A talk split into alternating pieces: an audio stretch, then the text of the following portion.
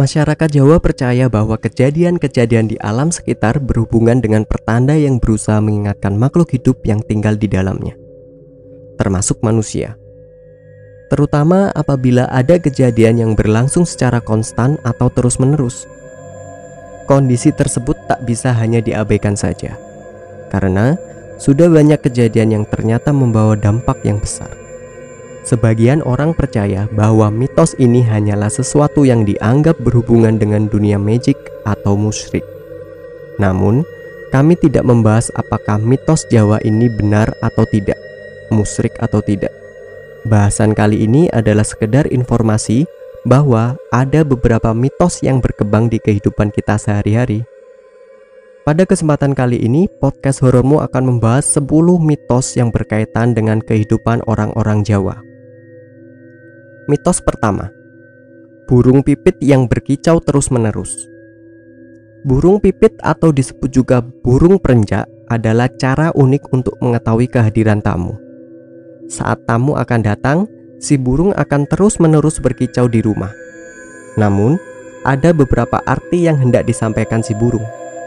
Apabila si burung bertengger di depan atau di sisi kanan rumah, tandanya si tamu akan membawa berita baik dan kebaikan.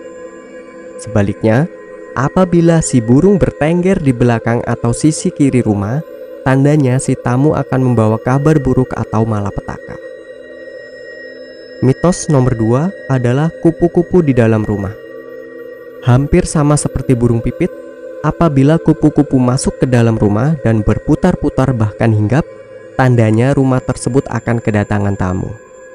Bila si kupu-kupu hinggap di badan salah satu anggota keluarga, maka yang datang adalah orang dekat. Mitos nomor tiga, burung gagak berputar-putar di atas rumah. Dipercaya, burung gagak adalah burung yang selalu dikaitkan dengan hal-hal mistis. Apabila ia terbang berputar-putar di atas rumah seseorang, konon akan ada penghuni rumah yang akan meninggal dunia. Mitos nomor 4. Ayam jantan berkokok sore hari atau tengah malam. Para orang tua dahulu percaya bahwa apabila ada ayam jantan yang berkokok sore hari atau di tengah malam, maka akan datang wabah penyakit atau gangguan dari makhluk halus. Mitos nomor 5 Celaka bila menabrak kucing Apabila saat sedang berkendara dan Anda menabrak kucing, maka ini adalah sebuah peringatan supaya berhati-hati, karena Anda bisa juga celaka. Mitos nomor 6 Anak gadis dilarang duduk di depan pintu. Konon, menurut budaya Jawa Apabila ada anak gadis duduk di depan pintu Maka ia akan jauh dari jodoh. Mitos nomor 7 Dilarang foto bertiga. Pernah mendengar larangan foto bertiga? Ya, kabarnya apabila mitos ini dilanggar Maka orang yang berfoto di tengah akan meninggal Mitos nomor 8 Tidak boleh sering menangis saat hamil.